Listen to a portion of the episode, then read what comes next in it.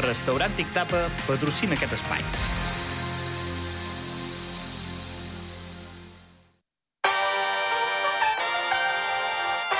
Zona Esports amb Joan López.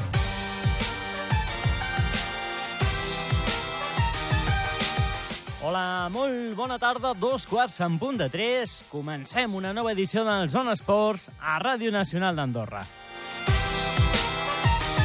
Com sempre, moltes qüestions que volem comentar en aquesta mitja hora que dediquem a l'actualitat esportiva del país. D'entrada, repassarem notícies de darrera hora, una que coneixíem ahir a la tarda, la lesió i greu de Tyson Pérez, una més, una llàstima també, perquè havia començat molt bé la temporada, l'ale pivot dominica, i una lesió que tindrà més de dos mes mesos de baixa. Aquesta és la previsió que estima el club un contratemps important per a l'equip de Nacho Lescano. I una notícia que hem conegut aquest matí, el trofeu Andros d'automobilisme sobre gel, un clàssic al mes de desembre, quan Andorra acull una de les proves, una de les etapes d'aquest certament i que s'acaba en aquesta edició. Serà la 35a, trentena vegada que vindrà a Andorra, però serà l'última i així ho ha anunciat el seu promotor Max Mammers.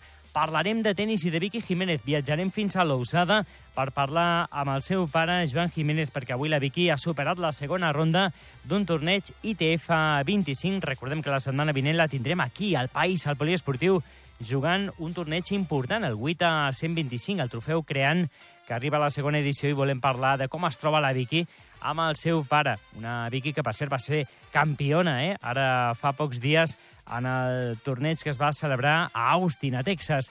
Parlarem també d'esquí de muntanya perquè avui s'ha presentat la Copa d'Andorra amb novetats. Ho farem amb el director tècnic de la Federació de Muntanyisme, Carlo Ferrari.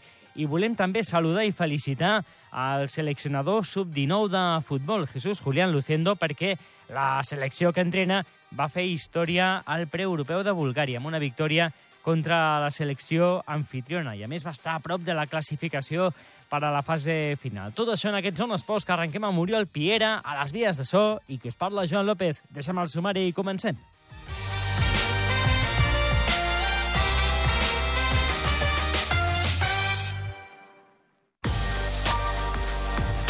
Zona Actualitat.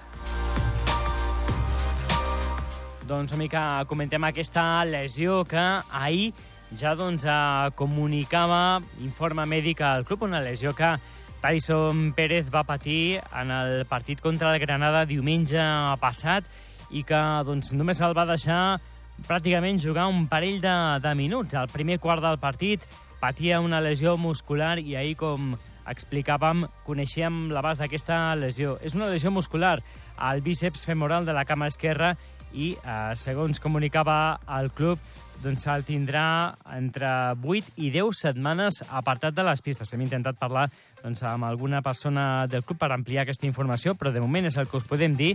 Tyson Pérez apartat de les pistes entre 8 i 10 setmanes per aquesta lesió muscular al bíceps femoral de la cama esquerra. Un contratemps important per al Morabanc Andorra, per a l'equip de Nacho Lescano, que recordem aquest diumenge visita a la pista del Real Madrid.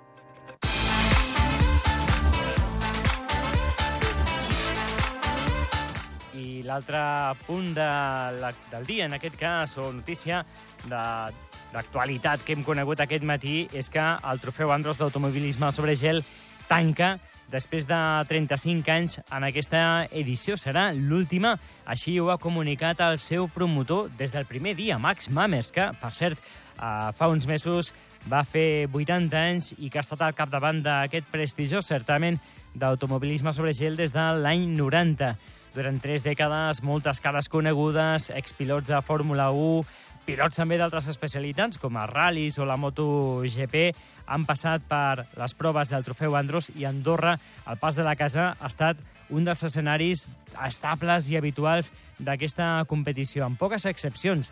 Aquesta serà la trentena vegada de 35 edicions doncs Andorra n'acollirà 30, haurà acollit 30 els pròxims dies 15 i 16 de desembre. Es preparen diferents actes també per celebrar aquest punt final i hem d'explicar també que Andorra tenia firmat aquest any i el vinent amb els organitzadors. Per tant, queda en suspens l'edició de l'any vinent, tot i que des de fonts properes, en aquest cas al circuit d'Andorra, eh, doncs veuen aquesta situació amb certa tranquil·litat i creuen que eh, hi haurà algun relleu amb un nou promotor, eh, nous patrocinadors, potser també un canvi de format, però que hi haurà un relleu d'alguna manera per continuar doncs, acollint proves sobre gel a la instal·lació en Campadana.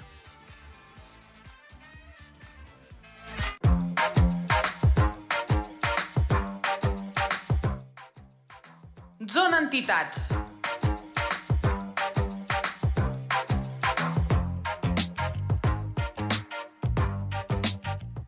Doncs, mica, com explicàvem en titulars, avui s'ha presentat al Centre de Tecnificació Esportiva d'Ordino una nova edició de la Copa d'Andorra d'esquí de muntanya. Canviem ja, doncs, la Federació de Muntanyisme canvia en aquest cas les proves d'estiu, les coses de muntanya per les d'hivern i ja fa uns dies us explicàvem que també es va presentar l'equip nacional d'esquí de muntanya eh, molt rejuvenit des de fa alguns anys i ara és el torn de presentar aquesta competició, aquest calendari de proves repartides eh, entre els diferents clubs organitzadors, diferents escenaris, un calendari ben bonic que avui s'ha presentat i que arrencarà d'aquí a ben poquet amb la primera prova, la cronoescalada nocturna del Pas de la Casa. Comentem-ho tot plegat amb el director tècnic de la Federació de Muntanyisme, Carlo Ferrari, que ja ens escolta. Carlo, bona tarda. Bona tarda. Ja tenim una nova edició de la Copa d'Andorra, la 22a, eh, que es diu aviat, d'esquí de muntanya i, a més, amb novetats. I, i d'entrada, Carlo, deixa'm doncs, felicitar-vos perquè és un calendari amb moltes cites, no? Aquest és un dels esports que té potser més practicants a, a casa nostra i, i la Copa d'Andorra eh, ho reflecteix perfectament. Sí, no, estem molt satisfets, estem molt contents, sobretot per, per, perquè això és gràcies als organitzadors. Eh? Tenim uns organitzadors fidels que, que, que treballen, i treballen a l'estiu, treballen a l'hivern, i per això hem pogut, eh, hem pogut preparar aquest calendari que és eh, força interessant, molt variat, i que, bueno, fem la volta de tota, tota l'Andorra. Uh -huh.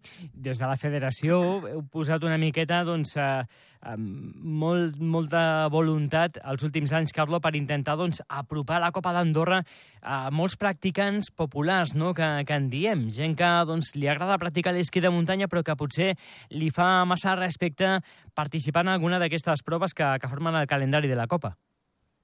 Sí, és un tema que, que insistim eh, sovint, eh, tant a l'estiu com a l'hivern, però a l'hivern encara més, perquè a l'hivern, vulguis o no, eh, el tema de la neu fa respecte, la gent, molts no la coneixen com, com, com seria necessari per, per moure-se tranquil·lament a la muntanya, amb seguretat, i diguem, eh, la Copa d'Andorra és una possibilitat més de gaudir de la muntanya amb, amb recorregut que estan pensats, que estan eh, seguritzats, que aprofiten la muntanya en el moment, en el millor moment, eh, seguint la, la neu que està en millors condicions. Vol dir, són, tot, eh, són totes petites coses que faciliten pràcticament eh, l'ascensió i la, la, la pràctica de l'esquí de muntanya. I doncs aquí animar, animar de que la gent s'apunti, participi, perquè no només per la competició en si de guanyar, però també per participar, que és molt important i penso que és molt bonic. Uh -huh. En aquest sentit, i, i amb aquesta mateixa intenció que té la federació, Carlo, mm, em sembla molt interessant no? que s'afegeixi a, a la Copa d'Andorra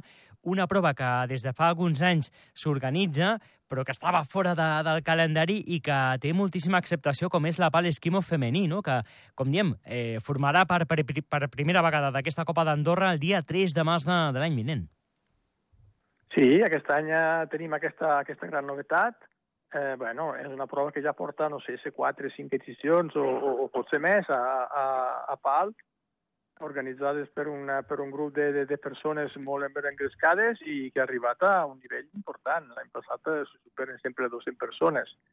I, bueno, diguem que eh, sabeu que els reglaments estan fets per, per també fer excepcions, no? perquè el reglament diuen que s'ha tines categories, masculines, femenines, aquí són només femenines, però justament eh, fem veure que estem a, a, a l'alçada amb més temps i que estem oberts a tots. Òbviament, aquesta prova serà únicament per a categoria femenina, però benvinguda sigui. Uh -huh. Perquè potser alguna de les participants, doncs, eh, el fet de que entri a formar part de la Copa d'Andorra l'anima també no? a, a disputar alguna prova més del calendari.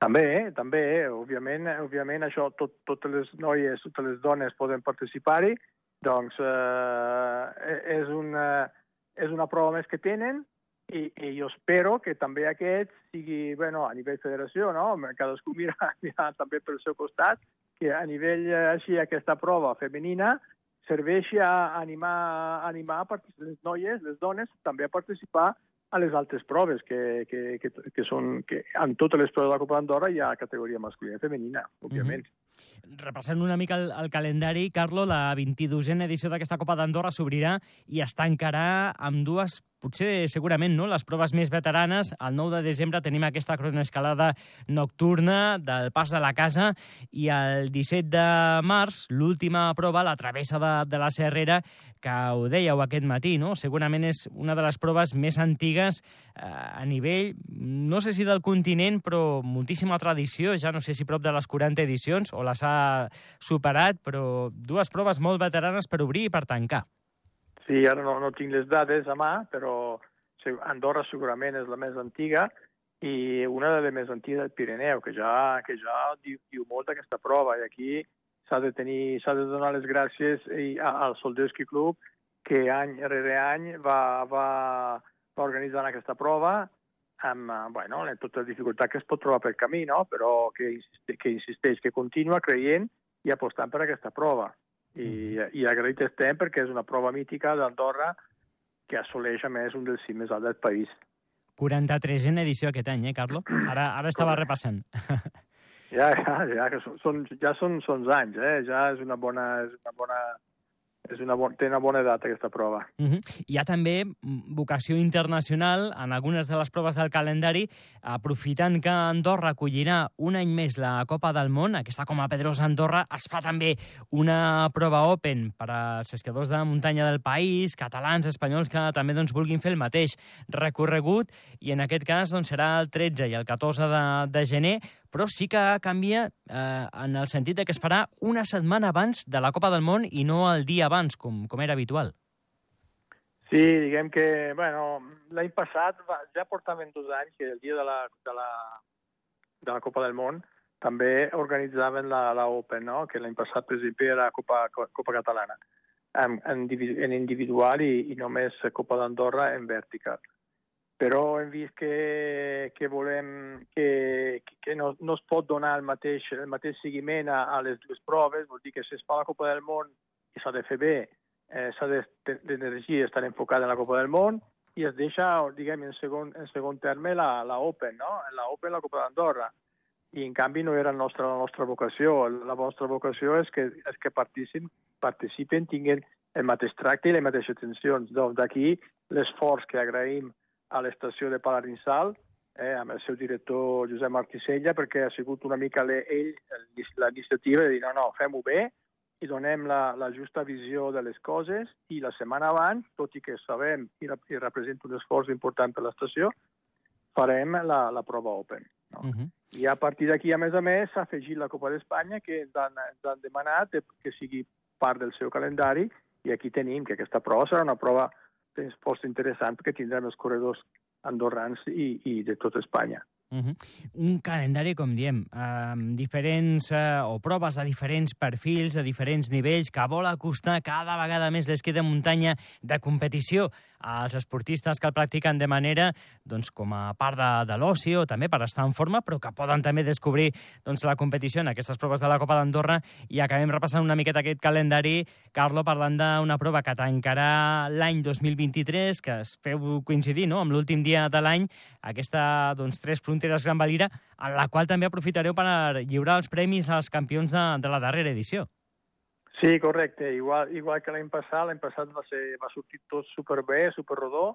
La, la cursa Tres Fronteres és una cursa molt maca, que agrada molt, perquè tot i ser només vertical és en, és en muntanya, pràcticament només el primer tram de sortida per anar als estanys de Pessons és, és un tram de pista, la resta és plena muntanya, doncs uh, molt bonica.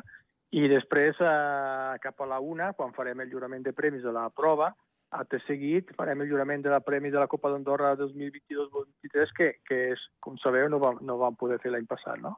Uh -huh. I, I doncs eh, aquí animem a tots a assistir i a participar-hi a totes les proves, i aquesta en particular, perquè a més a més farem el jurament de premis de la, de la Copa d'Andorra de l'any passat. Doncs eh, recordem, 9 de desembre, tret de sortida, aquesta 22a Copa d'Andorra d'esquí de muntanya. Qui vulgui conèixer les proves i les dates ja ho pot fer a la pàgina web de la Federació Andorrana de Muntanyisme. Carlo Ferrari, director tècnic de la Federació, moltíssimes gràcies per atendre'ns i que sigui una gran edició.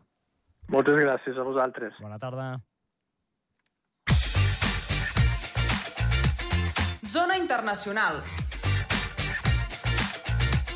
Doncs, amica, deixem l'esquí de muntanya i anem a parlar de tennis i per això viatgem fins a l'Oussà de Portugal, on tenim a la Vicky Jiménez disputant un ITF 25 i avui superant ja la segona ronda, els vuitens de final. Ho ha fet contra la russa Anastasia Kovaleva en dos sets per 6-7 i 2 a 6.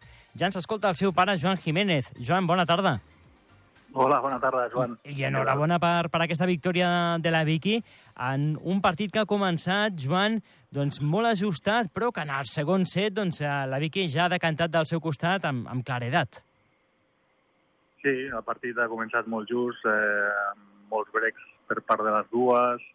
Eh, la pista aquí és, és una pista molt ràpida, eh, que els inicis de punt són molt importants i, bueno, eh, la veritat és que hem pogut treure el primer set eh, quasi, quasi, com es diu, lluitant molt i intentant pues, estar, estar al partit i el segon set pues, sí que ha jugat molt millor, no? O sigui, la veritat és que el, que el segon set el nivell l'ha pujat ella i s'ha sentit molt millor des del fons de la pista i, bueno, eh, hem pogut acabar aquest, aquest partit amb, amb jugant bé i, i amb, i amb agafant confiança, no? Uh -huh. Ens alegra moltíssim avui saludar-te, Joan, parlar aquesta estoneta amb tu i, i parlar de bones notícies, no? Perquè després d'alguns mesos complicats, la Vicky està en un bon moment, ho demostra el títol que va aconseguir a Austin, a Texas, la setmana passada, amb cinc victòries, i amb aquestes dues ja són set, eh, les que porta de manera consecutiva,